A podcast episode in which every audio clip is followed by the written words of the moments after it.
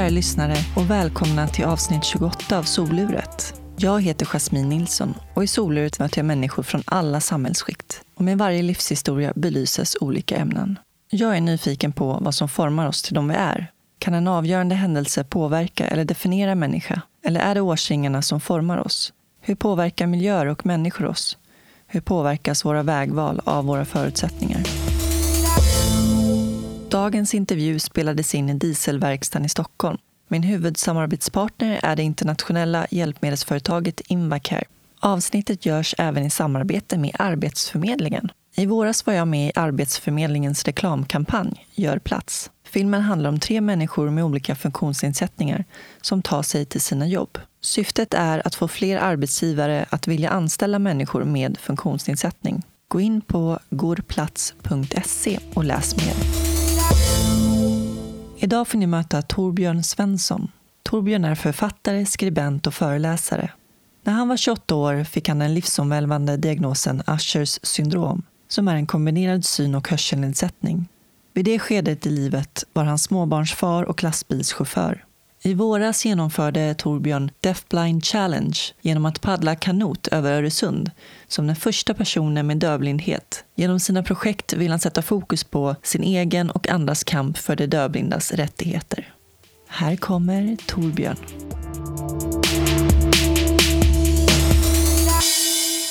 Hur känns det? Sitter du bra? Toppen. Okej, men jag, jag tycker att vi kör igång. Det gör vi. Välkommen till soluret, Torbjörn. Tack så mycket. Så skönt att vi fick till det till slut. Ja, det var ju inte det lättaste. Nej, det var hårfint.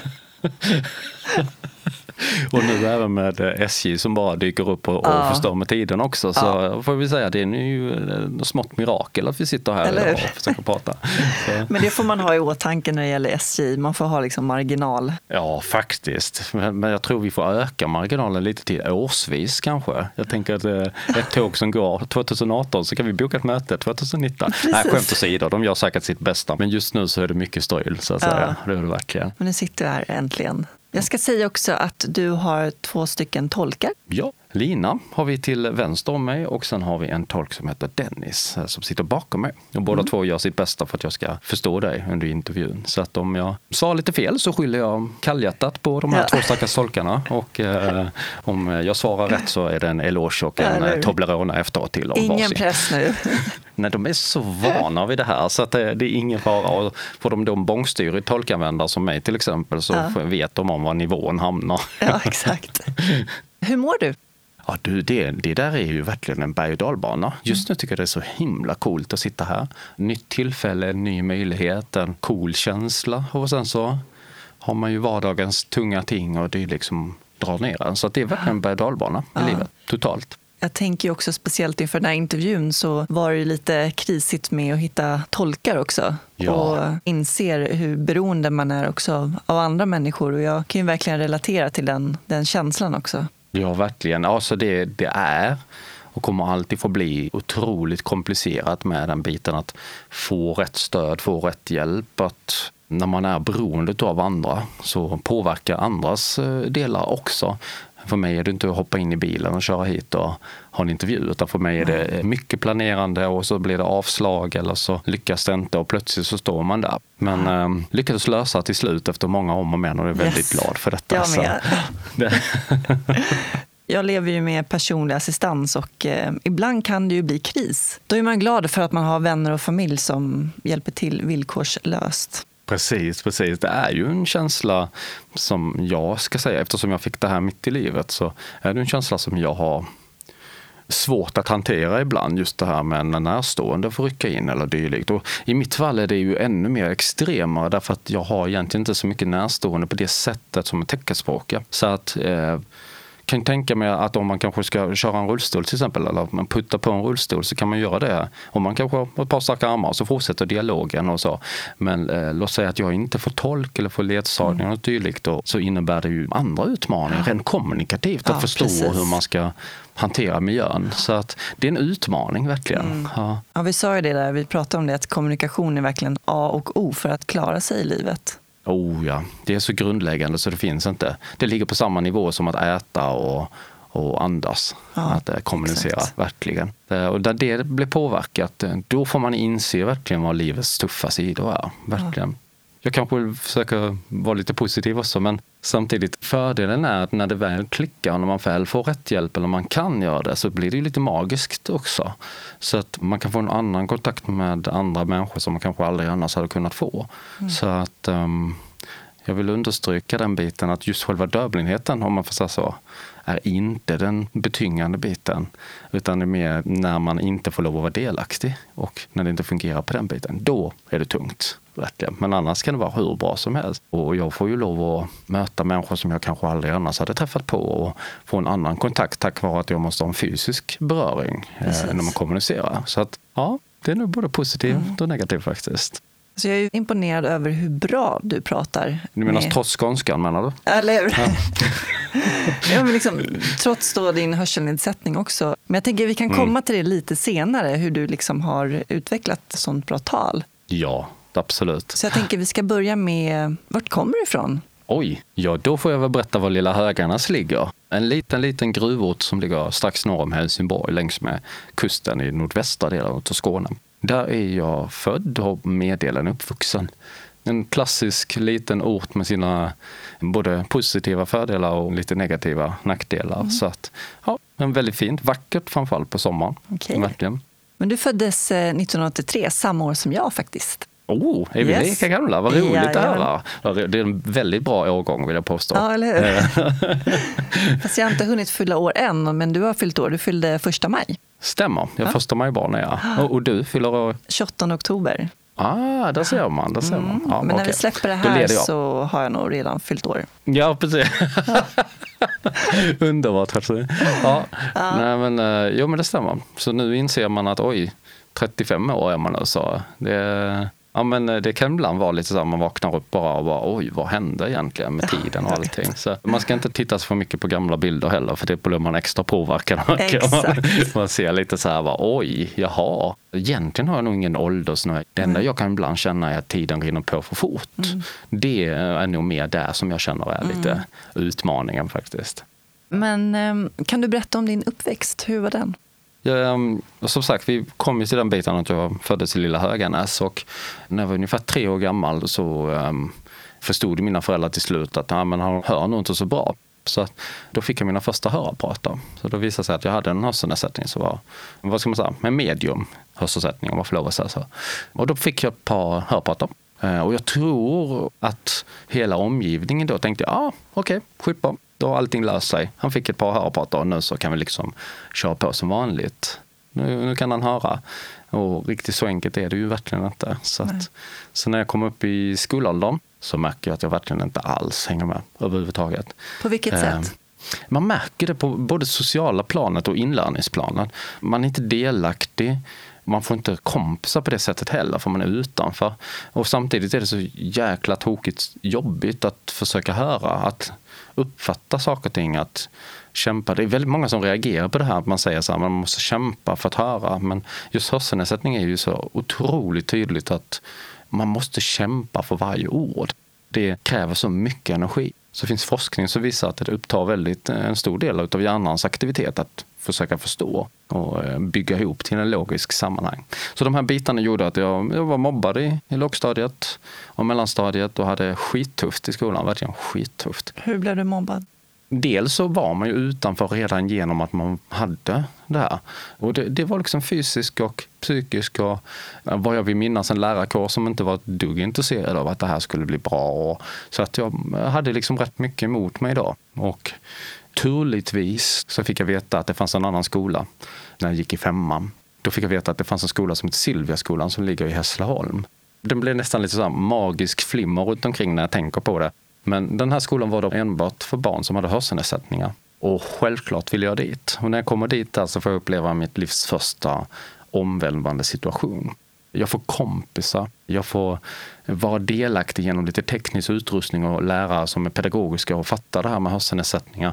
Och få flickvänner och liksom hela mitt liv vänder mer eller mindre under en natt. Då. Och det var helt galet när jag tänker på det, just då reflekterar man inte så mycket om det. Men när jag tänker på det i efterhand så var det en sanslös resa man fick uppleva. Och det bara för att man blev delaktig. Så att jag har tidigare i mitt liv haft den här resan som jag har nu också. Så från och med sexan och så upp till nian så gick jag på Silviaskolan och då rullade det på.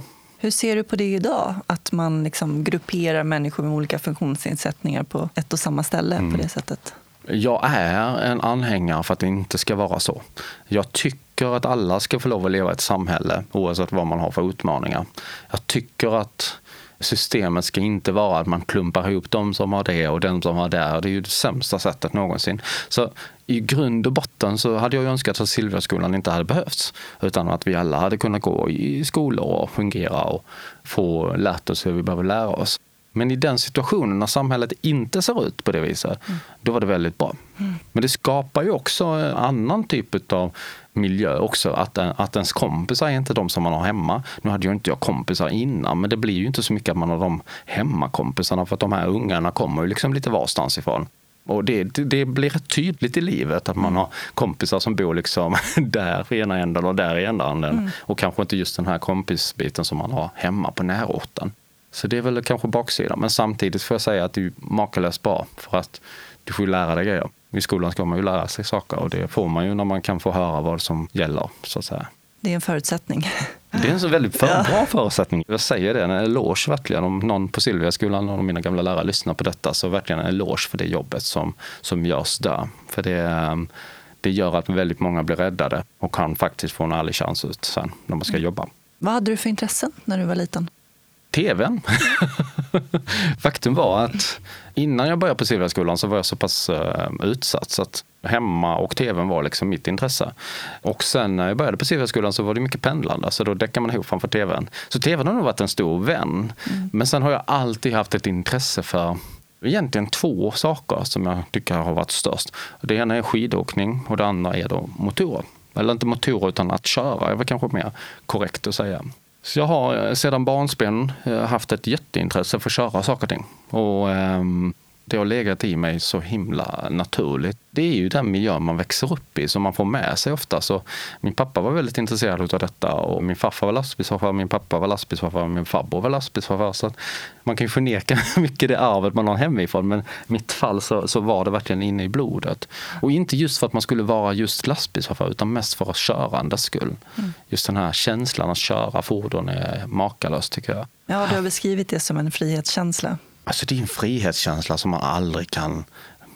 Om man kör hoj till exempel så känner man att man har den här vibrerande tingsten under sig och känslan och vinden som drar runt den och eh, fångar en på något sätt. Och sen så betar man av sträckor. Liv och miljö bara liksom passerar förbi en. Det är en sån makalös känsla. Kör man lastbil så är det skitkul att veta att alla de här tonnen har jag ansvar för. Och jag ska liksom köra köra och göra det bra och tryggt och säkert men samtidigt vara effektiv. Det är så himla häftigt. Så att jag är säkert en jättenördig individ när det gäller just det här med att köra tror jag. Jag la ner mycket energi på att det inte skulle kännas när jag växlar till exempel. Att det skulle okay. liksom vara så helt smooth mellan varje växel. Liksom, utan sådär. Och gärna köra lite bränslesnål. Så att ja, jag är nog lite nörd på det här området. Kan vi ta nästa fråga? Eh. Men eh, Silviaskolan, fortsatte du i den under gymnasiet? Nej, eh, då finns det något som heter Riksgymnasiet för hörselskadade döva i Örebro. Där väljer jag då att gå transport. Så okay. utbildar mig till lastbilschaufför. Så det är i princip samma sak som Silviaskolan fast då på gymnasial mm. nivå istället. Men då är det, jag tänker det är personer med olika grader av hörselnedsättningar också? Precis, och döva underlättar kanske lite det för lyssnarna här också. Att vara döv är inte just hörselbaserad på det sättet utan det är en identitet, en, en kultur. Du har så pass grav hörselnedsättning så att eh, du kan välja att tillhöra en kultur som då är att vara döv så att säga med vad allt vad det innebär. Men sen kan du ha en väldigt grav hörselnedsättning och faktiskt inte identifiera sig på det viset utan vara hörselskadad helt enkelt. Det kan vara bra att förtydliga den här biten för oftast blir det lite missförstånd. Dövhet är den medicinska termen för att inte höra. Det är den här liksom gränsen. Där anses man inte kunna använda sin hörsel alls, inte ens med tekniska hjälpmedel. Ja, det Ja. var bra att veta, för det visste inte jag om. Ja, det är lätt med missförstånd i den här världen. det, Samma ja, sak. det finns ju så många olika begrepp och ibland vet man inte vad som är Ja, det politiskt gör korrekt det. att använda. Ja, det är inte lätt alltid och, och det finns så mycket stereotypiska bitar och det finns så mycket fördomar. Jag tänker Mm. du själv möter ju säkerligen helt sanslösa nivåer utav fördomar. Jag tänker på att just det här med blind är ju som vanligt. Ja, men det finns antingen att man ser eller är man blind. Men det finns ju så många nivåer utav synnedsättningar så att det är helt galet. Ja. Och, och vara just blind är ju inte, då är inte allting svart heller. Verkligen inte. Det kan finnas många grejer som man kan få uppleva ändå med synen trots att man har passerat den här gränsen som Räknas som blind. medicinsk då för att bli blind. Så att Ja.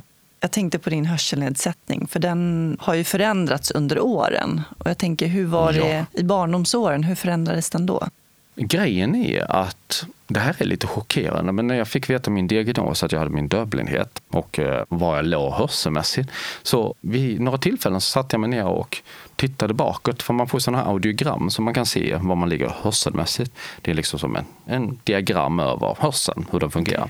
Så tittar jag på den här och så inser jag att successivt över alla dessa åren så har de försämrats. Men det är egentligen ingen som har flaggat för det här riktigt utan man liksom bara stoppat in lite starkare hörapparater varje gång. Så att min hörselnedsättning som har blivit rätt så grav nu här på sistone har faktiskt fortsatt tidigare. Och det har blivit en, en sån här rätt förbannad aha-upplevelse för mig. Att det inte alls speciellt lycklig över att ingen reagerade. Då framförallt inte läkarna. Att de inte, ah, men vänta nu, du är lite sämre här och du är lite sämre här och lite sämre här. Så faktan fanns ju faktiskt där tidigare. Så den, den har dalat, ja. Men rätt så långsamt. Men den har faktiskt dalat. Till idag har jag något som kallas för hörselrester. Så att eh, jag är inte döv, verkligen inte. Men jag har så otroligt svårt att uppfatta tal. Jag har så otroligt svårt att bygga ihop meningarna till vad de faktiskt är för någonting. Men jag är inte helt döv.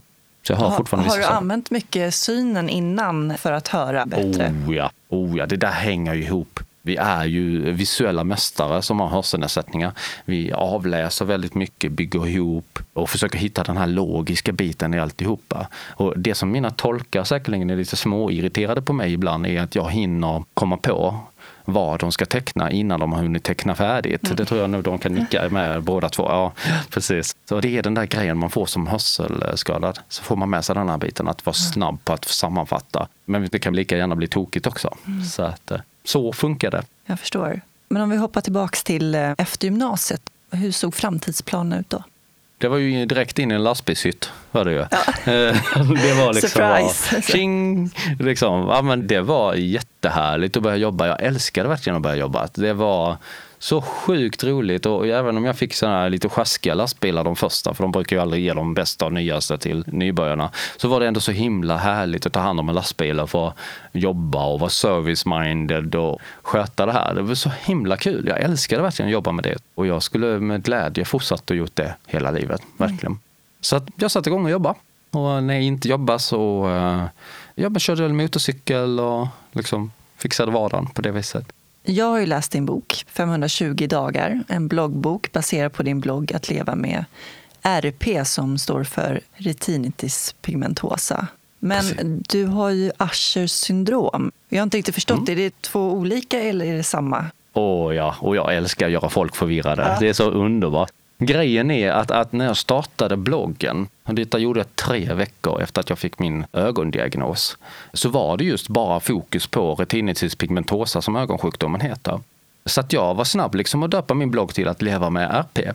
Och när det sen lite tag efteråt då blev konkret att jag har då Uschers syndrom, som är då att både synen och hörseln är ihopkopplade genetisk mutation så um, var det lite för sent att ändra namnet tyckte jag. Så att jag bibehöll faktiskt uh, att leva med RP. För det hade redan blivit så pass um, kommit igång, själva namnet. Så, här, så att jag var inte så jättesugen på att byta då. Så att jag har behållit det här och förvirrar jättegärna folk med den här biten. Vilket jag tycker är lite småroligt. Men jag kan förstå att det är lite rörigt. Men samtidigt så att leva med RP är ju syndelen också fortfarande. Så den är ju ytterst aktuell. Ja. När jag tänker på Usher då tänker jag på en rb sångare som jag lyssnar Ja, mycket men på det nu. är så kul. Jag bara säger så här, men jag har Usher syndrom, vadå? Springer du omkring och rappar eller vad händer liksom? Nej, jag, jag tycker det är jätteroligt. Jag tror jag la upp en bild för ett tag sedan så här, att ha Usher syndrom är inte att digga artisten Usher. Nej. Men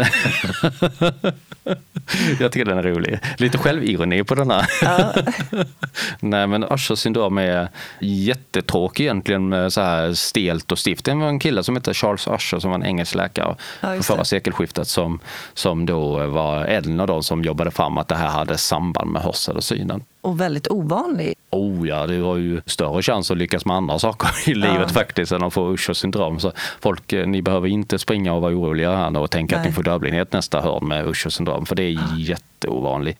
Och även om den här genen då bärs av någon av föräldrarna så är det otroligt sällsynt att det bryter ut. Det är riktigt, eh, vad ska man säga? Nej, men det Ni- känns som en vilken väldigt liten faktiskt. alltså. Nej men precis, nej men verkligen en riktig nitlott. Man bara hamnade i det här. Och Man Ja. tänkte liksom, hur stor är chansen liksom att båda mina föräldrar har den här avvikelsen? Men det är ingen som har liksom utvecklat den på flera generationer. Och så bestämmer sig båda dåliga generna att nu slår vi våra påsar ihop och så, tadang, så kommer jag fram. Du vet ju inte hur långt bak det går då i generationer. Nej, Nej. nej, nej, precis. Du kan bära den här genetiska avvikelsen. Men vi består ju av två stycken uppsättningar, en från mamma och en från pappa. Och så länge man har en frisk gen så bryter den aldrig ut. Nej. Det kan lika gärna vara så att det slutar också nästa generation, att barnen får båda föräldrarnas friska gen. Då slutar det Nitlott va? Ja, verkligen. fast, fast inte jättenitlott hela tiden. Jag vill vara tydlig på den här biten. Jag, jag brukar säga det att vi alla har våra kors att bära. Och jag tänker att om vi kunde sluta fokusera på de här jävla korsen hela tiden och istället få vara delaktiga i samhället så tror jag vi skulle fixa det rätt så bra faktiskt. Ehm, det tog ju några år innan man förstod att du hade just Ushers. Det var när du började Mm. få din synnedsättning. Precis. Den här läskiga RP då, den som dyker upp och långsamt äter upp synen. Så jag visste inte om det, men det fanns ju med från början också, precis som hörseln. Och långsamt så tog det min syn, vad ska jag säga, periferin, alltså längst ute, för att då tugga sig inåt. Och i och med att processen går väldigt, väldigt långsam så eh, märker man ju inte det direkt. Så att i mitt fall var det ju liksom säkerligen en stor dos eh, undermedveten förnekelse. Om man tänker tillbaka så ser man ju tecken rätt så tidigt i mitt liv. Till exempel att jag inte såg något alls i mörker. Men sen också så den långsamma processen gör ju oftast att hjärnan undermedvetet kompenserar. Det är ju någonting som alla Ja, råkar ut för. Oavsett vad det än handlar med kroppen så kompenserar hjärnan istället för att liksom, det är en överlevnadsmekanism. Ja. Men om jag tittar tillbaka så ser jag det här med mörkerseendet. När jag kommer till läkaren och är 28 år gammal så har jag ett synfält som är ungefär som en toarulle. Och tittar man tillbaka så ser jag, ja, jag såg inte mörker och jag snubblade ofta och gjorde illa mig och hade änglavakt jättemånga gånger, verkligen änglavakt. Med tanke på att jag körde hoj och sånt där så jag tror det var året innan jag fick min diagnos, eller om det var två år innan som jag gjorde en Sverigeresa på motorcykeln helt själv. Och det där kunde ju varit, liksom, om vi ska vara riktigt ärliga, en ren som hade gått ut som jag inte såg. Ja, på grund av att det är dålig kontrast mot vägytan. Och jag säger det, jag har nog haft tur i livet verkligen. Man vet aldrig var man hamnar. Så att för min del så, så var det ju en utmaning att att förstå också och förstå att man faktiskt hade ljugit väldigt mycket för sig själv. För jag tror att undermedvetet fattar ju den här biten jättetydligt att shit, allt kretsar runt dina körkort. Allt. Det är din inkomst, det är ditt nöje i livet, det är din frihet. Så att undermedvetet tror jag att ändå liksom hjärnan bara, nej för fan, bry dig inte om att kolla sina, alltså gör inte det. Fan vad du är trött hela tiden. För jag var ju så jävla trött. Jag jobbade och sen kom jag hem och kollapsade i soffan efter en arbetsdag. Vilket jag trodde mycket berodde på min hörselnedsättning. För det är väldigt kämpigt med den biten. Men det visade sig vara något annat också. Så att, eh, Det var och folk- mycket att kompensera. Mycket komplicerat. Hjärnan jobbar för högt. Det gör den även fortfarande nu. Även om jag har tolkar nu och så, här, så måste jag fortfarande avläsa dem och uppfatta vad som händer. Så att eh, det är, man är en trött människa. Men eh, ja, man är lite som de här katterna som går hemma och slöar hela dagen och sen typ en kvart på natten bestämmer sig för att tokspringa i hela lägenheten och riva ner. Det är lite jag. Det är sådär Okej, jag. Ja, det är mitt liv. Men hur gick tankarna då? Alltså hela världen bara drogs undan mina fötter. Jag ska ärligt säga att jag har inte speciellt mycket detaljerade minnen från den första tiden. Och som det var trauma. så jävla traumatiserande. Alltså det, den här känslan av att gå, att saker och ting inte riktigt existerar runt omkring. folk pratar men det är liksom inte riktigt där. Nej. Den känslan hade jag i i ett antal månader. Ja, som en bubbla, fullständigt rätt. Och det var helt galet var det. Och samtidigt då så var jag ju småbarnsförälder till en liten Alva på fem månader och gift vid den här tiden. Och det var bara så jävla galet så att jag mådde skit. Och det var först en chock och sen kom en depression som ett brev på posten verkligen. Och det var sanslöst jobbigt. Mycket av det hänger ju fortfarande kvar.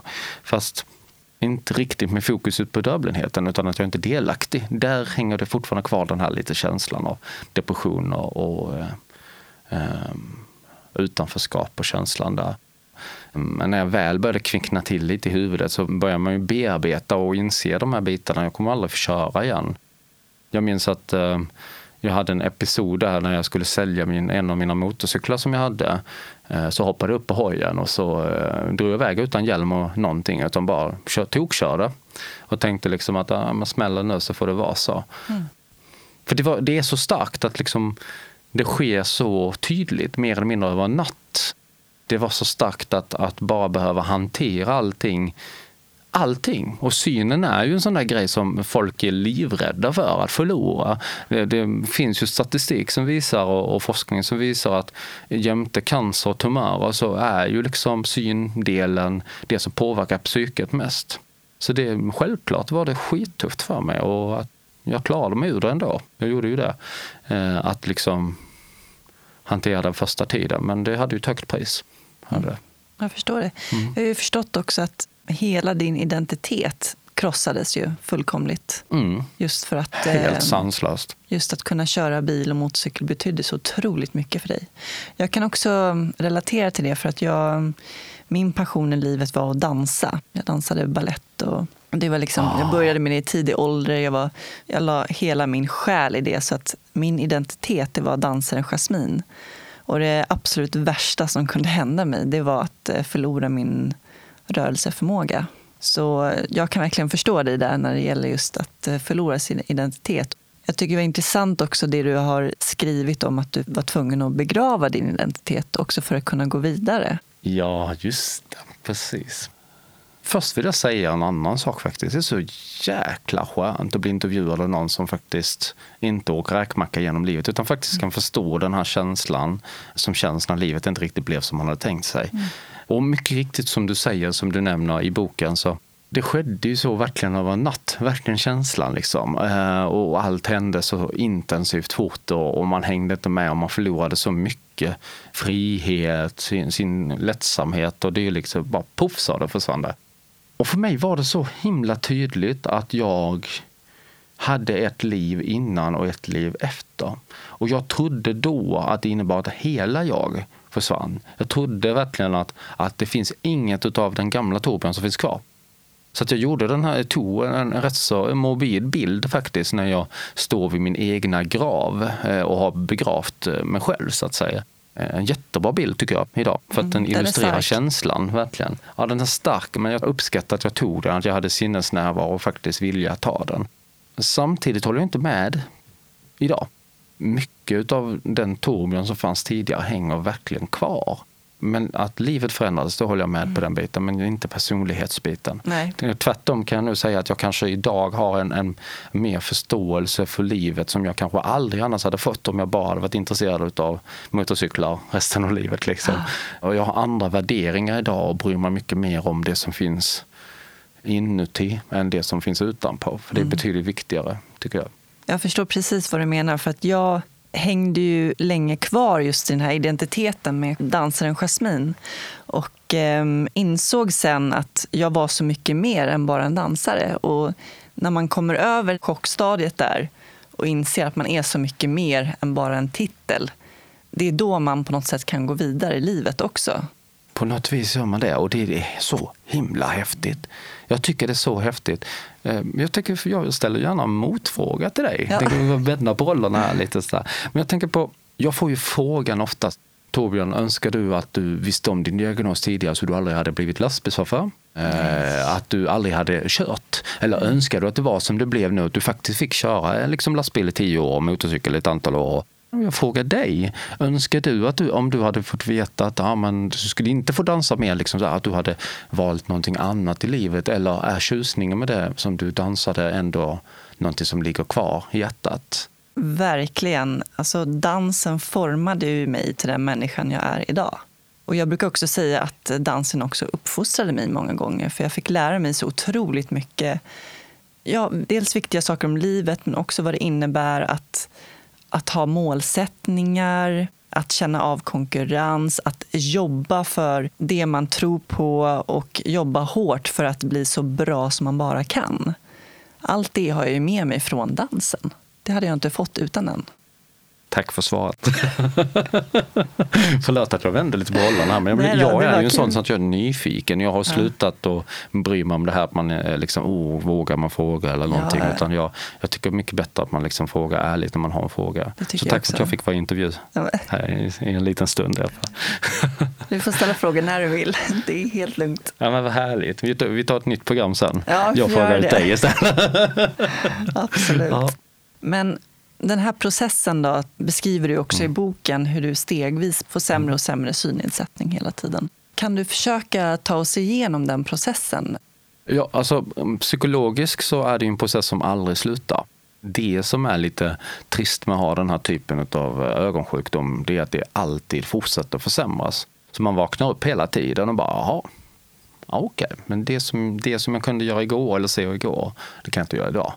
Så det påverkar psykologiskt hela tiden. Och som jag sa tidigare, den åt upp min syn utifrån och jobbar sig inåt. Och idag, eh, när jag var 28 år, så såg jag ungefär 35 grader som en toarulle eller hushållsrulle. Idag är det som ett McDonalds-sugrör är det mm. på min högra öga. Så det, det, har verkligen tagit snurr och, och, och um, man ser ju ljuset till exempel, ja, men det är som myrornas krig eller man kan inte få ut någon kontext. Nej. Ungefär som när man får eh, signalstörning på radion eller signalstörning på tvn. Det är lite samma sak. liksom. Man ser att det är grejer men, men det är inte något som jag kan få ut någonting Nej, av. Så, så funkar det. Det är som så. med hörseln då också, för jag läste någonstans att du, du kan uppfatta var femte ord ungefär, men det gör att du inte kan bilda mm. ett kontext av det hela. Jag kan inte bygga ihop det. Det här är så typiskt för hörselskadade. För det första så är ju den vanligaste uppfattningen är att en hörselnedsättning innebär att man bara stoppar fingrarna i öronen ytterst få som har den typen av hörselnedsättning. flesta hörselnedsättning innebär att du har dött de här hörselceller man har på olika områden, så basen, diskanten, mellanregister. Och det plockar bort möjligheten att uppfatta vissa bokstäver. Så de här bokstäverna eller de här orden försvinner och då plötsligt så kan man höra en sak men du kan inte höra den saken och sen så får du bygga ihop de här sakerna. Okay. Och nu har glappet blivit så stort för mig så att jag kan inte ens kämpa mig till att få ihop en logisk mening. Och det är det här sitsen som jag befinner mig i idag. Men, och ska vi komma in lite kanske varför jag pratar så pass bra som jag gör, ja, trots min skånska precis. kanske. Um, grejen är när, när jag var ung och fick mina första hörapparat och när jag gick i grundskolan så, så lades det kopiös mycket tid på att jag skulle talträna. Så jag har ett väldigt välutvecklat system efter att ha tränat mitt tal när jag var ung som jag faktiskt fortfarande använder idag. Som kombination av att höra vissa saker och ting, känna vibrationerna hos mig och eh, vad ska man säga, minnet som går in och bestämmer hur, hur man uttalar ett ord. Det är det som gör att jag kan prata så pass bra som jag gör. Men när det börjar närma sig kvällen, då har jag den roliga förmågan att byta ut ord och framförallt byta ut bokstäver i orden. Så att jag kan byta ut typ några vokaler eller konsonanter i ena ordet och sätta in i nästa ord och så flyttar de tillbaka. Min flickvän brukar säga det på kvällarna så är det extra tydligt. För då är jag så trött i huvudet och min hjärna fungerar inte riktigt. Så då kan jag inte uppehålla den nivån som jag har när jag pratar nu.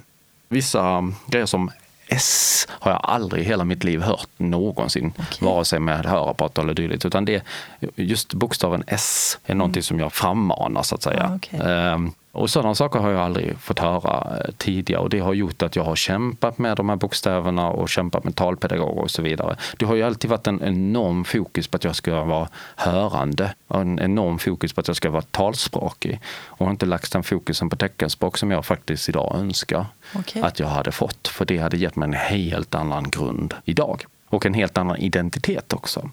För problemet är att när du hör väldigt dåligt och du ska leva i hörandes värld så blir det som ett skådespel. Det blir som um, man är inte riktigt med. Om alla vet om det, man är inte riktigt med, men man kämpar så fruktansvärt frenetiskt för att man ska tillhöra den här biten. Så det, um, det är så det ser ut. Det var det situationen för mig också, så därför mm. var det viktigt för mig att kunna, eller för min omgivning att kunna, att jag pratade bra. Och det har jag väl fördel idag när jag kan sitta och hålla en sån här intervju utan att tolken taltolkar mig. Eh, samtidigt kan det vara otroligt förvirrande för människor. Så jag har full förståelse ja. för det här. Men det är här som dövblindhet handlar om. Dövblindhet är inte någon fast form. Det är otroligt flytande, men det som är gemensamt är att man har en kombinerad syn och hörselnedsättning mm. och att det påverkar livet jättemycket. Mm. Hur kommunicerar du med dina barn? Nu träffar jag inte dem speciellt ofta, men, men det är ju också en lite bevis på det här som vi har pratat om tidigare, att det är så grundläggande med kommunikation. Kommunikation hittar alltid sina vägar. Så vi har sån skön mix utav taktil beröring, av teckenspråk, både visuellt och taktil, av eh, socialhaptiskt, det som händer bakom på min rygg nu. Jag har en tolk som sitter precis bakom och dunkar mig på ryggen. Jag är inte skyldig henne pengar, Nej. utan hon eh, gör, gör dina miner och visar just nu att du skrattar. Yes. Så att nu ger hon liksom känslan att du skrattar och dylikt. Det får jag ju på min rygg. Det heter socialhaptisk kommunikation. Och de här bitarna mixar vi i någon skön gest, uttrycksmix och så kommunicerar vi. Men vi kan inte kommunicera så här liksom som du och jag sitter och pratar på det viset. För att de har inte riktigt fått verktygen, eftersom jag har dem mm. så sällan, så har de inte fått de verktygen som egentligen behövs för att ha en hög nivå på kommunikationen. Mm. Det är sorgligt, men så är det så ser situationen ut idag. Men annars så löser man det. Alltså det... För jag läste att eh, Alva var jätteduktig på att lära sig eh, teckenspråk. Alva är din äldsta. Alva är den äldsta och Hugo är den yngsta. Mm. Precis. Alva blev nu eh, i november blev hon sju år gammal och Hugo blev fyra nu. Jo, men Alva, eh, Alva och jag var ju hemma med ihop innan vi skilde oss, eh, jag och deras mamma. Och då fick vi möjlighet att utveckla alla de här grejerna. Och tänk på de här sakerna som man som hörande förälder klarar av med öronen, men som jag inte kunde göra, löste vi.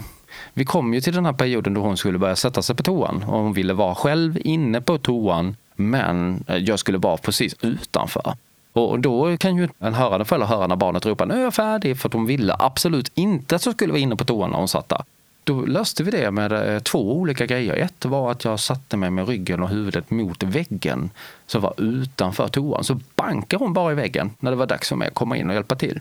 Och ett annat var att vi hade snöre vid ett antal tillfällen. Så då tog vi ett litet snöre. Så hon hade ett litet snöre när hon satt inne på toan som gick ut genom dörren. Så ryckte hon den så att jag kände att ah, men nu är det mm. dags att gå in och torka. Liksom. Det gäller att vara kreativ. Hittar, ja, och barn är inte svåra. Nej. De är de bästa att föreläsa för, ska jag säga när jag föreläser för dagisbarn och förskolebarn och dylikt, sånt där, alltså det är så klockren. Du vet, det är liksom inga konstigheter och det är så himla häftigt. Så eh, barnen har nyckeln till vårt liv. Vad fint. Fint citat. Ja, men verkligen. Men mycket... jag tänker att du måste ju ha en enorm simultanförmåga. Du måste ja, ju vara fokuserad ja. på vad dina tolkar säger till dig samtidigt som du då ska svara. Mm. Det är många mm. parametrar att förhålla sig till. Oh ja, oh ja, jag sa ju det innan att det tar mm. jättemycket energi. Mm. Samtidigt så har man inget val. Alltså, jag tänker på alla dessa människor som vill lära sig teckenspråk på fritiden som är hörande och seende. Och sen så övar de sig lite och så går de på någon kvällskurs och så här, och sen så Ah, jag kan inte. Nej, för de har ju alltid valet att gå och prata. Ja. Har man inget annat val så jävra i mig, då måste man ju lära sig för att överleva. Liksom. Och så för mig var det så. Och sen tror jag att jag har lite talang för det här också. Framförallt med att avläsa på min kropp. Att eh, förstå rörelsemönster och förstå sådana saker och ting. Så det har nog underlättat lite för mig tror jag. Jag befinner mig hos min samarbetspartner Invacare och sitter här tillsammans med Joakim. Hejsan hejsan, Joakim här. Vad är du för någonting här på Invacare Jocke? Jag är produktchef på Manella rullstolar. Jag sitter i en Kuchal-rullstol som jag trivs jättebra med, skitsnygg. Och så såg jag häromdagen en ny rullstol som heter Superstar som verkligen har blivit viral. Kan du berätta lite om den? Det eh, började som en intervju i en designhemsida och efter det så sa det bara boom och förfrågningar från förskrivare och alltihopa om eh, när kan vi köpa en stol. Och det här är då en stol som kommer att komma i framtiden. Det finns inget datum men det är en nytt tänk, nytt material, grafen. Väldigt lätt och väldigt starkt. Lite ny design också men någonting som är helt enkelt bara nytt för eh, rullstolar. Det är väldigt nytt i alla fall. Men det är väldigt intressant att du som säger att det blev viralt. Det var absolut inte någonting som jag hade förväntat mig hända i vår värld om jag så säger. Ja, men det är häftigt ändå att något som ett hjälpmedel kan bli så stort så snabbt. Absolut, det är överraskande men det är väl mer ett tecken att tiderna förändras även i vår värld. Watch Ja. out. Vi får väl se. Ja, vi Om får jag, se vad det jag blir kommer för- rulla runt med en sån Det vet man aldrig, superstar. absolut. Vi får se. Det är som sagt det är tidigt än, men eh, absolut, den kommer att bli bäst bara. Ja, coolt. Tack så jättemycket Jocke Ja. för ett trevligt samtal. Ha det bra. Ha det bra. Hur var det att bli pappa? Galet läskigt. Samtidigt tycker jag att papparollen är fan så jäkla rolig. Får jag lov att svära under de här? Ja, eh, det är helt absolut. okej. Du klipper inte bort eller blipar dem. Ja, vad bra skönt. Eh, nej, men att bli pappa var bara så himla häftigt. Jag har alltid velat bli pappa. Eller inte alltid, men rätt så tidigt så ville jag bli pappa.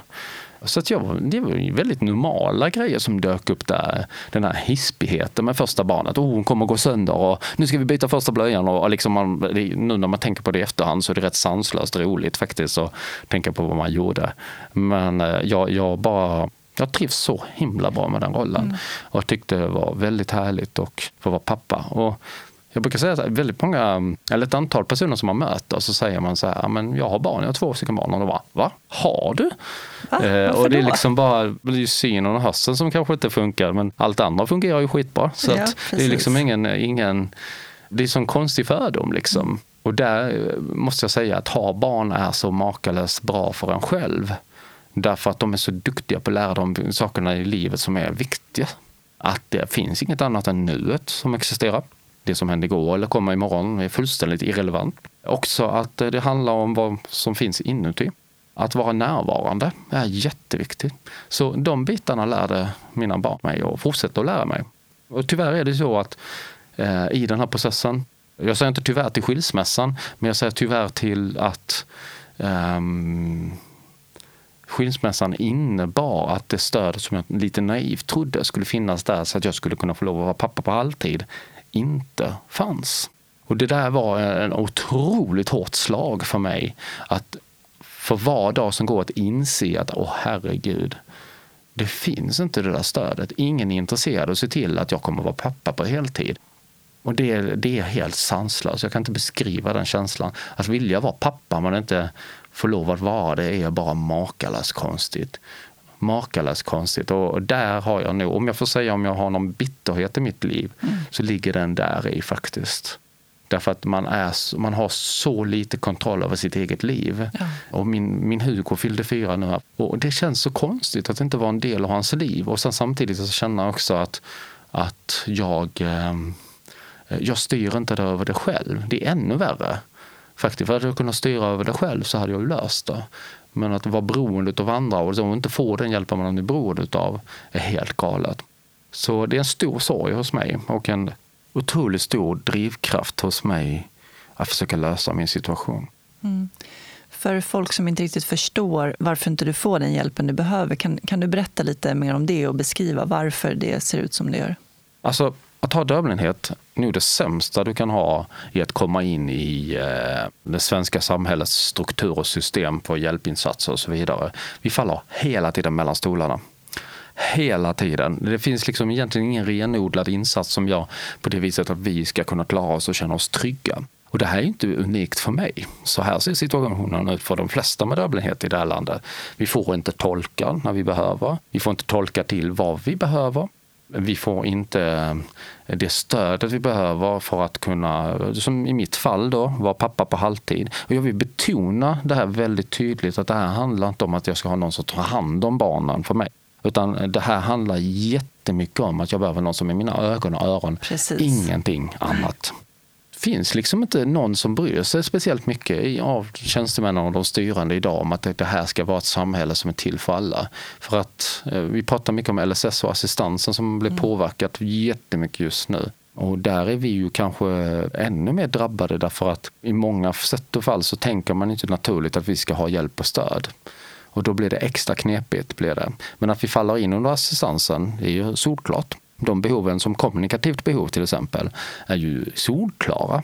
Men nu till exempel så hade vi ju ett eh, mycket uppmärksammat fall då Försäkringskassan prövade mot Högsta förvaltningsdomstolen om taktilt teckenspråk, det vill säga det som mina tolkar tecknar i min hand nu, att det skulle räknas som ett grundläggande kommunikativt behov. Försäkringskassan ja, för... vann i det här och jag, jag förstår inte ens hur det kan ifrågasättas. Ja, ja, det, är så, det är så fruktansvärt det är det. Så att vi faller hela tiden mellan stolarna och är ytterst isolerade de flesta av oss. Och det är så fruktansvärt. Och jag brukar ju säga det när folk jämför saker och ting. Ja, men du har ju inte cancer i alla fall. Eller du har inte den oh, biten och sånt där. Och man bara liksom, ja, men man kan dö på många sätt och vis. Tyvärr är det väldigt många tjänstemän som resonerar så här också, faktiskt. Och i och med att jag som i min situation då pratar väldigt tydligt och upplevs rätt så avslappnad i den här situationen som nu när vi sitter här och har intervjun. Så ger det dem ytterligare vatten på kvarnen att inte bifalla besluten, alltså mina önskningar om hjälpinsatser. Så att det är en skitsituation. Det är en riktig skitsituation.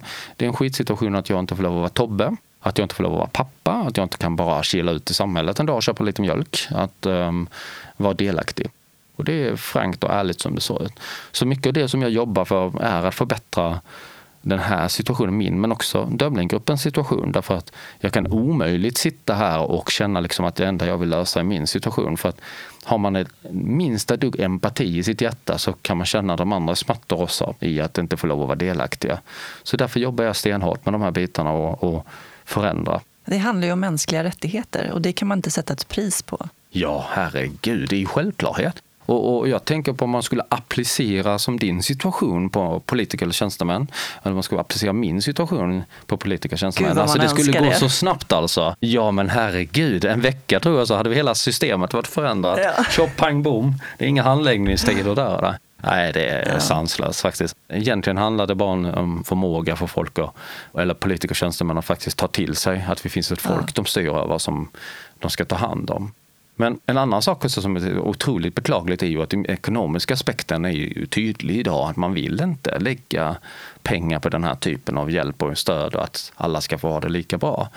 Det påverkar jättemycket. Och har man då en funktionsvariation som dövblindhet som är otroligt lätt att göra avslag på genom att kringgå regler och att vi inte passar in i någon mall man pratar ju liksom inte om sondmatning med dövblindhet. Man pratar inte om en trappa som måste tillgänglighetsanpassas på det viset eh, som man till exempel sitter i en rullstol. Det gör ju att det blir ännu lättare att göra avslag på oss. Och har vi då ingen ork eller energi eller egen röst att kunna slå tillbaka, då är det så lätt att köra över oss. Mm.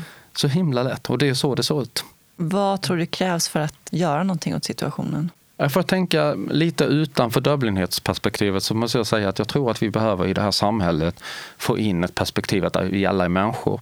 Vi har sån enorm fokus på ditten och datten och glömmer bort att vi egentligen handlar om att vi alla har samma värde. Det spelar ingen roll vilken utmaning man har i livet, det spelar ingen roll vilken sits man hamnar i. Man har ett värde som ska finnas som mänsklighet och ett värde som innebär att oavsett vilken utmaning så får du lov att vara den du är.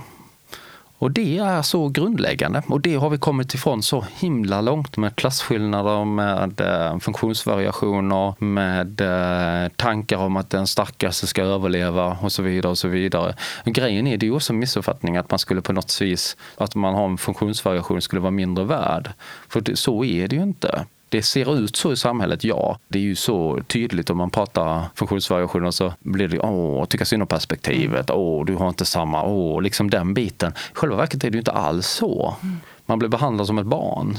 Och det vill jag förändra. Jag vill förändra så att alla fattar liksom att jaha, har du dubblinget? Okej, okay, vilken, vilket lag hejar du på? Ja, precis. Här, du sitter i rullstol. Okej, okay, ja, men lugnt. Men alltså, du ska inte behöva känna det här liksom, shit, allting är bara jobbigt. Utan Nej. nu drar du till jobbet och jobbar liksom. Och, och grejen är, det här är ju också en sak som är jätteviktig. Att om vi alla kan få rätt stöd så kan vi också ge tillbaka så Exakt. mycket, mycket mer. Vi kanske aldrig blir plusmänniskor man pratar om funktionsvariationer, men vi kanske betalar våra egna insatser. Och då jäklar i mig har vi ju inte den här stackars offerkoftan på längre när det gäller det. Så det är min tanke om min ideologi om den här biten. Det är ju självklart att vi kan bidra till samhället precis som alla andra. Och det vinner självklart. väl alla på? Ja men verkligen. Jag menar, kan jag dra in eh, skatten för att jag får tolkarna och jag kan föreläsa och jag kan jobba och skriva mina böcker och göra sånt där. Eh, det är ju skitbra ju. Det finns väl inget negativt med det tänker jag. Då bidrar jag till gator och torg och till andras insatser och sånt skulle jag lätt göra det. Det är så himla viktigt. Är det. Och en självklarhet tänker om man bara sätter sig ner och sållar bort alla tankarna och bara sätter sig ner så är det här egentligen ganska självklart. Ja. rätt logiskt bara. Men vi är någonstans på vägen har vi tappat våra egna tankar och värderingar faktiskt. Så det jobbar jag med. Jag föreläser, jag tjafsar, jag syns i media, kämpar för min sak och för andras sak och tänker att det handlar så mycket om att det är viktigt att folk får veta att vi ens existerar. För jag visste inte om att dödlighet fanns. Hur många finns det i Sverige? Det finns ju givetvis alltid ett mörkerantal. Man brukar säga att det finns ungefär 2000 individer i landet som har dövblindhet. Och sen så säger man en begränsning på 65. För sen när man blir gammal nog så blir vi alla nog lite smått dövblinda ja, tror jag. Till. Sen blir vi alla funktionsnedsatta. Du och jag kanske har den här dialogen sen och du inte hör oss. Ja, alltså du sitter med en tolk på andra sidan kanske. Ja, gud, herregud. Jag har faktiskt tänkt på det. Att Tänk om man skulle vara förlamad och eh, drabbas av dövblindhet. Alltså då, ja. ja, det finns de som har det. Absolut, den eh, variationen finns också. Ah. Så att, eh, och det är liksom utmaning. Men bara med rätt stöd, då fixar vi det. Liksom. Och som jag sa, jag visste inte om själva att dövblinda fanns. Jag hade ingen aning om detta. När jag satt och körde lastbil, så om någon hade sagt till mig att det finns dövblinda, ja, men då hade jag fördomsfullt tänkt att ja, men det, de sitter väl på en institution någonstans ja. och kan inte prata eller kommunicera eller göra någonting. Men så är det verkligen inte. Nej. Efter det varit sån livsomställning, hur såg du på framtiden då när du hade tagit igenom den värsta mörka tiden? Jag tänkte inte alls på det. Herregud människa! Va? nej, för fan. Jo, men jag tycker nej, ändå nej, sysselsättning nej, är en så viktig del för att eh, ta sig vidare. Liksom. Alltså grejen är att de första tiden det var svart hål. Det var bara svart hål. Det fanns liksom inga tankar på framtiden överhuvudtaget. Oh nej för fan, det var bara in i mörkret och, och stanna där liksom. Så nej, nej, nej. Det kom senare faktiskt. Det, förlåt, fick jag det skratta igen? Ja, förlåt. Jag kan uttrycka mig lite roligt ibland. Kanske är det Skånefiltet vi behöver. Ja. Nej, men, eh, men skämt åsido, jag, jag, jag var så djupt inne i det här liksom och, och då finns det liksom inga tankar om eh, ljuset i tunneln på det viset, verkligen inte. Men när man väl kommer ut sen så börjar ju ändå vissa saker dyka upp. Man får ju en slags överlevnadsinstinkt som du känner igen. Och den um, överlevnadsinstinkten är ju så viktig för att man vill ju ändå fortsätta framåt. Det är en jättemänsklig sida tycker jag. Att man vill fortsätta. Om boet rasar eller huset faller ihop, ja men då vill man bygga upp ett nytt bo. Och i mitt fall där var det ju liksom så extremt därför att det jag yrkesmässigt sysslade med gick ju liksom inte att komma tillbaka till. Hade jag suttit på ett kontor och, och, kanske jobbat med siffror eller någonting, ja men då hade jag kunnat synanpassa och tagit bussen istället eller fått färdtjänst istället. Men i mitt fall så blev ju allting så kontrastrikt. Mm. Så där satt jag liksom utan utbildning egentligen mm. och utan, så här, visste inte vad FAN ska jag göra. Men um, så började jag skriva min blogg. Och det där är ju så himla konstigt. Varför valde jag bara att sitta mig ner och skriva en blogg? Och just då tänkte jag att alltså jag var ju inte sugen på att prata med någon. Inte ett dugg. Jag hade inte lust att lyfta luren och säga tja, läget? Ja, men jag håller på att bli blind. Det var jättesvårt att vara, vara social. Så att jag tänkte att jag sätter mig ner och skriver så jag kan liksom få ut som vi alla känner ju till det här med T-kitteln när övertrycket liksom tjuter ut. Liksom och där. En slags övertrycksventil behövde jag. Och då ville jag börja skriva.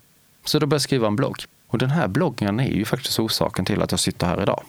För att mitt skrivande blev ju en ventil för mig. Men sen insåg jag att hej, det här fungerar rätt så bra för mig. Jag kan uttrycka mig rätt så öppenhjärtligt om min situation. Och det gjorde att mer och mer folk uppfattade, aj, där har vi en som har blivit dövblind. Eller började liksom eh, fånga upp mig för föreläsningar och, och, så här. och då banades lite vägen för mig faktiskt. till det mm. som jag... Och så visade det sig att jag hade talang för att föreläsa, att dela med mig och kunna få folk att ja, men få folk till att finnas där i situationen och få med sig lärdomarna jag pratar om. Och sen kommer jag in på helt andra banor som konst till exempel. Jag sitter här med min Köpmonster-t-shirt och eh, Köpmonster, nu tänker ni så här vad det egentligen är, men när jag fick min dövblindhet så fick jag en sån enorm kreativ lust. Och faktum är att när du råkar ut för svårigheter i livet så kan det trigga igång kreativitet. Får jag ett amen för det, Jasmine? Stämmer det? Absolut. Ja, precis. Ja, men det är ju så. Alltså, jag, jag, tänker, jag lyssnar mycket på musik och framförallt innan också. Eh, och de bästa låtarna det gjordes ju inte av några glada killar som var överlyckliga över att nu är livet toppen och dylikt. Nej, utan det krävs ju liksom de tuffaste grejerna för att få fram de bästa grejerna. Så kreativiteten vaknade hos mig och så fick jag lust att skapa någonting rent konstmässigt. Och det här är helt surrealistiskt, för jag är en av de som verkligen inte haft någon relation till konst överhuvudtaget. För mig var konst en tavla på väggen, en staty på torget. That's it. Jag förstod inte syftet med det överhuvudtaget. Och så fick jag fram en lust med att jag skulle börja skapa någonting. Och då tänkte jag mycket på det här med den vita käppen just då, den här käppen som jag använder för att ta mig fram. Så tänkte jag mycket på den bara, hmm, ja, men om man tar sådana trasiga sådana här och skapar en figur eller någonting av det som känns inombords, Den här dialogen man har med sig själv, att nu börjar, måste du börja använda käpp och man skapar ju en dialog inombords hela tiden. Då vill jag illustrera det och så fick jag sån lust. Så jag frågade massa kompisar på Facebook eh, som har dövblindhet och synnedsättning om de hade några trasiga käppar hemma som jag kunde få. Och då fylldes brevlådan som en smock. Det måste ha sett jätteroligt ut. Det måste ha sett ut som en hemmasatellitbygge med alla dessa käppar som spretade ut ur brevlådan. Skitroligt. Men så gick jag ut i garaget hos mina föräldrar. Jag satte mig vid skruvstädet, började böja, såga och limma. Och mamma kom ut och skrattade mer och mer hysteriskt för varje gång. Men när hon skrattade riktigt så här, du vet, man kan inte sluta. Då visste jag att jag var någonting på spåret. Och då blev det käppmonstret. Så den är en riktig figur och sen har den blivit liksom mitt signum. Mm. Så att den finns lite på t-shirtar och ja, lite andra sådana saker. Det där ser man. Det behöver inte bara vara skit med att få utmaningar i livet. Det Nej. kan faktiskt ge jättemycket mm. också. Mm. Precis. Ja, jag håller med dig. Det där var lång. Det där får du klippa Nej, ner till sådana här små coola snuttar liksom. Och så här, eller lägga in reklampaus eller så här. Cliffhanger på det hade varit skitcoolt. Vad säger Torbjörn nu? Klipper du in musik i dina eh, inspelningar? Nej. Eller de rena ljud, alltså bara tal och ja, så? Ja, det är ju lite sådana här vignett-trudelutter för det är lite reklamigt ah, i och så. Okay, så okay, det okay. har jag med. Jag var lite, lite taggad. Jag var lite taggad på sådana grejer. Jag lyckades få eh, P3 till att spela Kornlåt till ah, mitt i mitt avsnitt. Jag, jag var väldigt faktiskt. nöjd över jag detta. Jag sa, ja, det var. Men nu tänker jag så här att lyssnarna säkert undrar, hur 17 lyssnar du på musik? Jag lyssnar och känner. Alltså jag var eh, rätt nyligen eh, på konsert med min flickvän på ett band som heter Hailstorm. Det är förbannat skönt att stå tre meter ifrån och känna hur det bara flödar rakt genom kroppen. Mm. Så att givetvis upplever jag fortfarande musik. Mm. Sen hör ju inte jag musik som du hör musik kanske förklara min musiksmak med metal och, hårdrock och så. Men, men jag hör ju liksom inte som du hör det. Så det är mer en både tryck och en en känsloupplevelse, alltså känsla, det går genom mm. kroppen och dylikt. Och så mm. så att eh, jag är nog inte lätt att bo granne med om man säger så. Nej, men nu lägger jag mig här vid högtalaren på 300 watt och så bara skruvar upp till max och så bara känner jag hur det flödar mm. genom kroppen. Så att eh, jag har slutat göra det på kvällen. Jag gör det ja, inte längre. Nej, det är bra. Det är bra. Ta hänsyn till sina grannar. Inte. Ja men verkligen. så att musik och så, men eh, det upplever jag fortfarande njuter mm. fortfarande utav. Och speciellt låtar som jag kan sen tidigare. Jag har ju aldrig hört en låttext. Så hela mitt liv har jag alltid eh, lärt mig texterna genom att läsa dem. Jag minns så tydligt att min mamma jobbade på ett stort bokförlag förr i tiden när jag var ung tonåring. Och då vet jag att eh, när jag fick kila dit och hjälpa henne att sortera på hennes arbetspärmar så fick jag lov att låna datorn på den tiden. Och så kunde jag googla då efter Ways Against Machine-texter och dylikt. Och så skrev jag ut det som tjocka, tjocka buntar, tog med det hem och sen satt jag där med mina högtalare eller hörlurar och så satt jag och så läste jag igenom och lärde mig texterna. Mm. Så är det en gammal låt så sitter det i huvudet exakt på när texten går och dylikt. Det sitter här liksom inne. Mm. Så det är en mix av huvud, minne och känsla. Liksom. Men jag tänker, känseln, det måste ju vara en av dina mm. viktigaste sinnen framför allt. Vilken så. är den bästa känslan som du vet?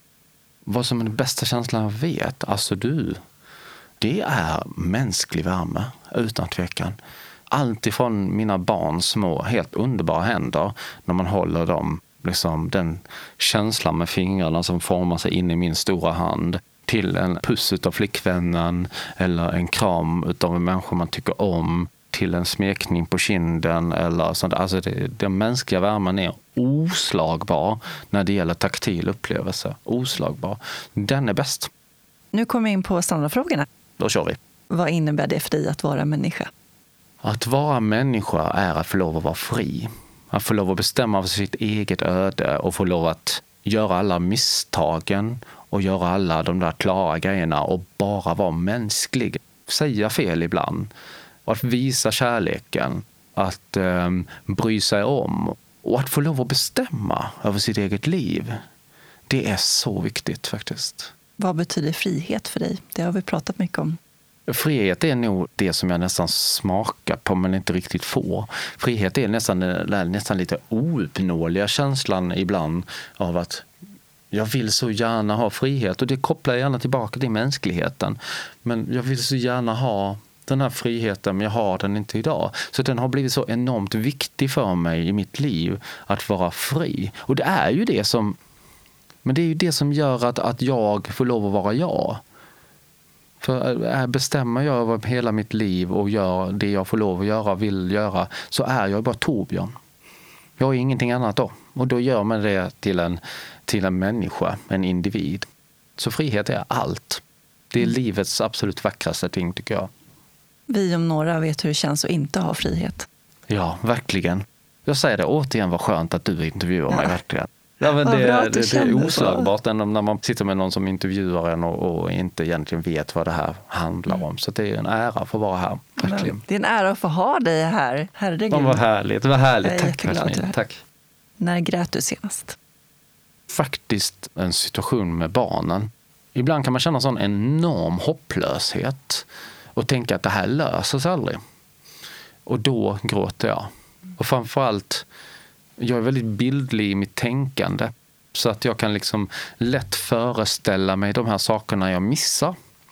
Jag kan lätt föreställa mig att de växer upp och egentligen inte har någon riktig relation till mig. Och att jag själv sitter och är eh, Ja, men jag är egentligen inte någon i deras liv. Det behöver inte alls bli så, men känslan hos mig blir väldigt stark.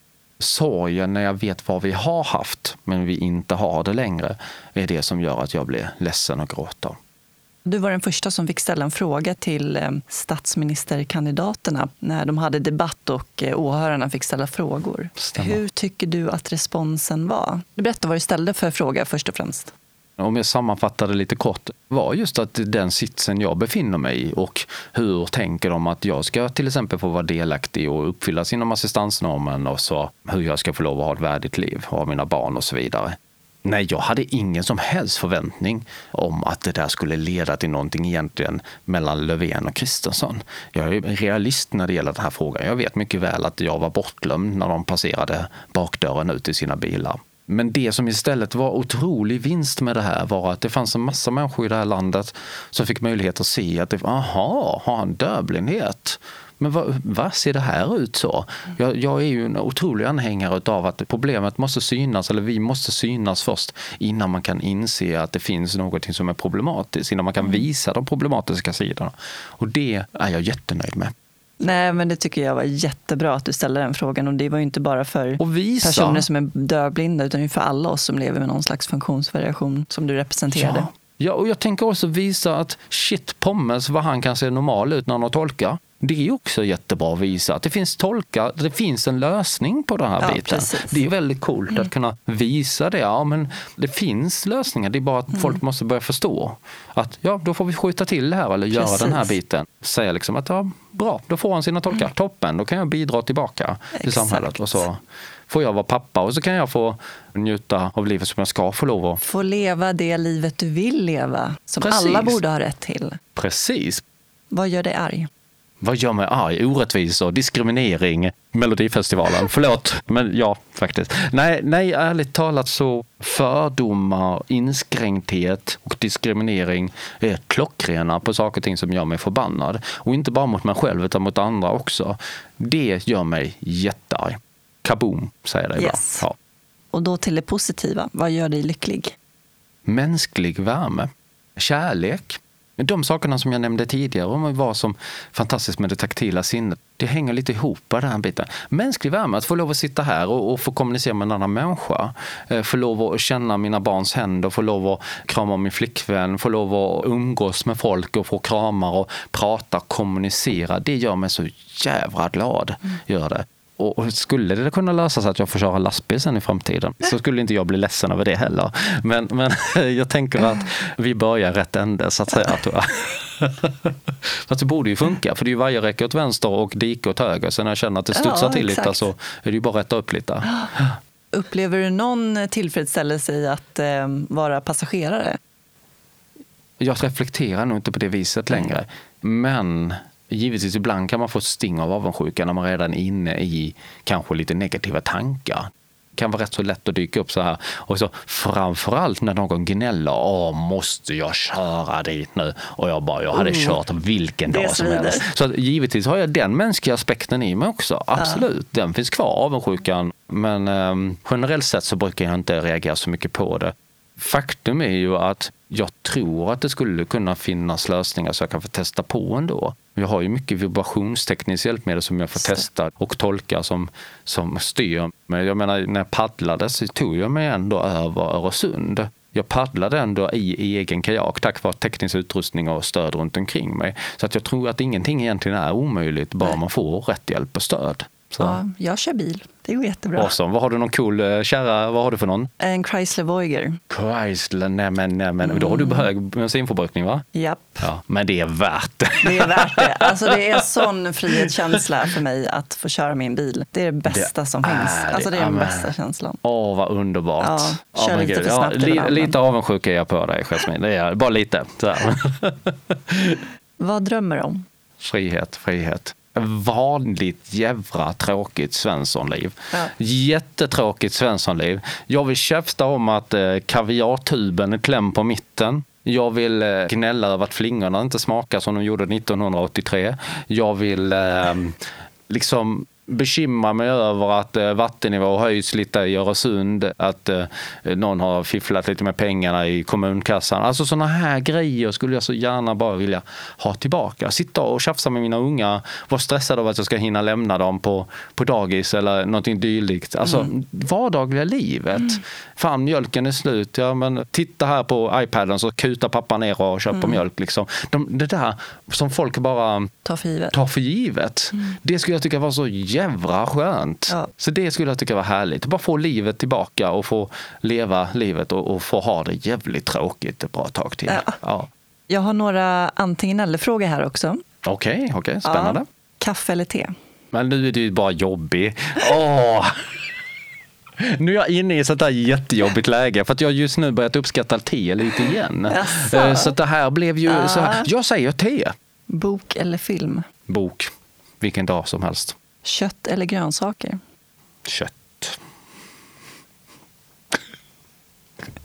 Jag fick nästan lite dåligt samvete där just nu om att jag gillar Ja, kött. hur du jag sa det också, så här, ja, verkligen ja. den här känslan av att ska jag svara grönsaker och sådär bara för att mildra den här miljöbiten just nu. Men, men nej, tyvärr, ledsen, kött är det.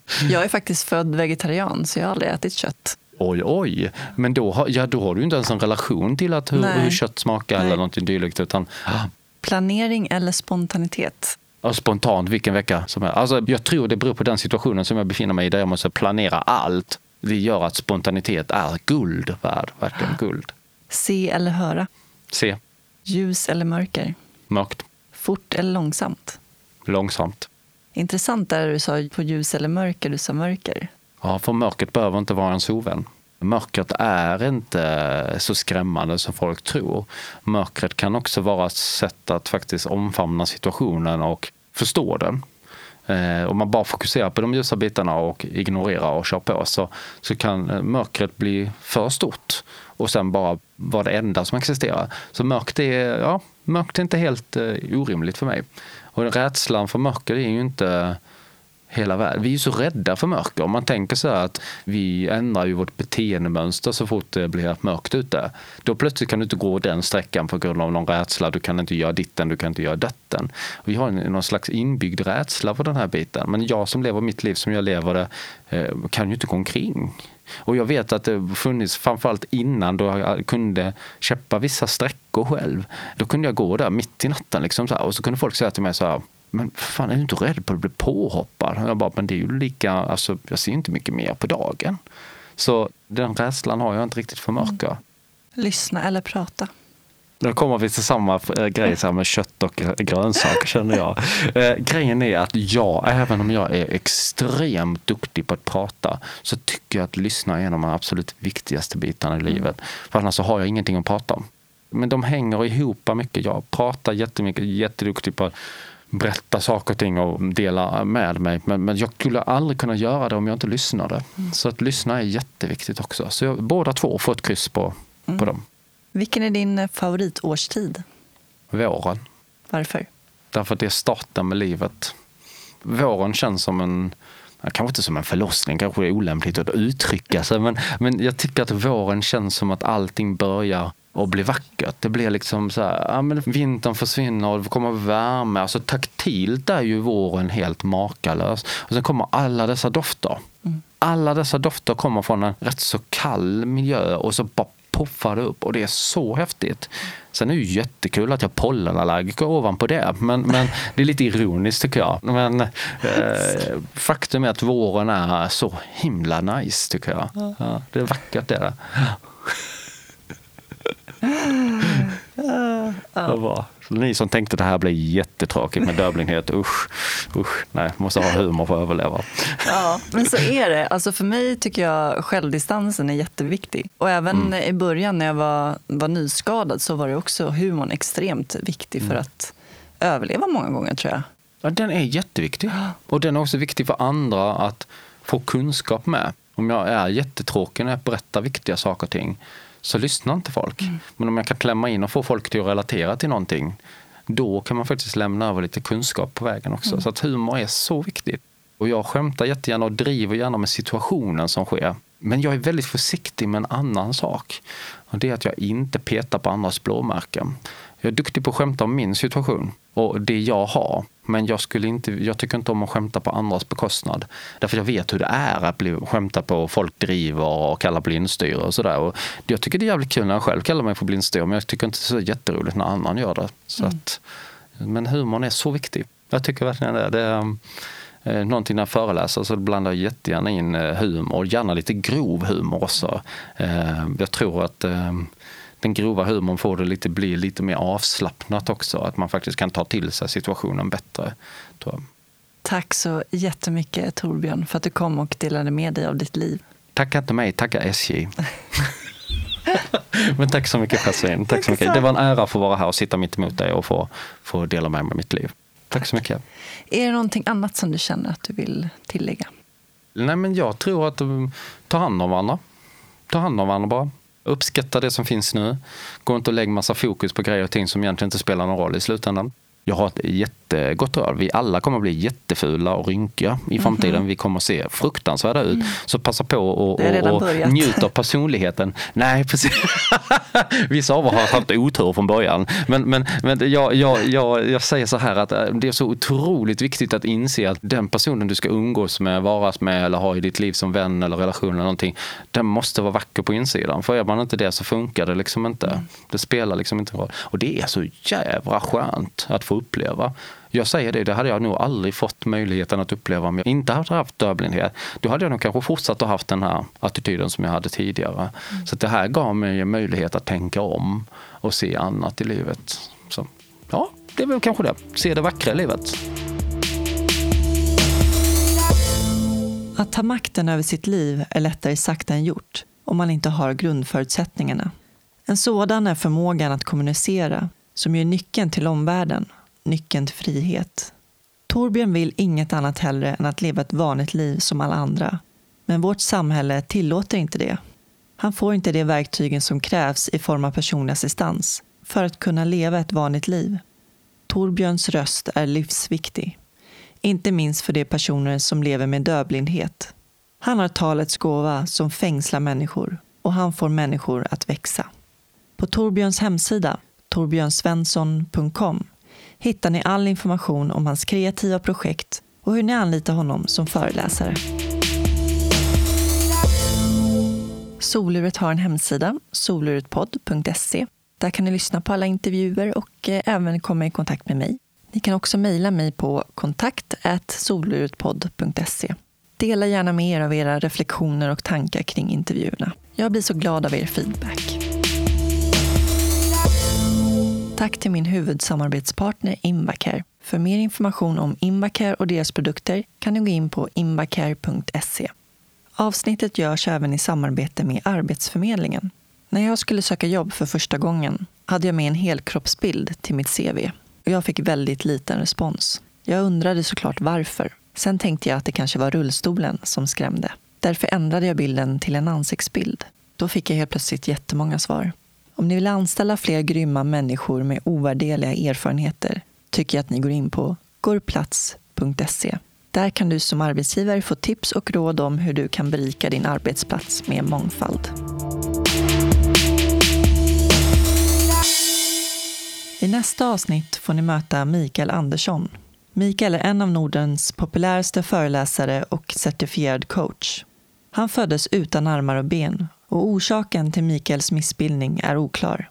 I sina föreläsningar pratar han om mod, normalitet, motivation, drivkraft och om att nå sina mål. År 2009 kom han ut med boken Armlös, benlös men inte hopplös där han berättar om sin kamp mot rådande värderingar och synsätt. Avsnittet publiceras måndag den 10 december. Med tanke på dagens gäst avslutar jag med ett av mina absoluta favoritcitat av Daniel Webster. Om alla mina förmågor togs ifrån mig med ett undantag skulle jag välja att behålla förmågan att kommunicera, för med den skulle jag återvinna resten. Tack så mycket för att ni lyssnade och ta hand om varandra. Puss och kram. Hej då!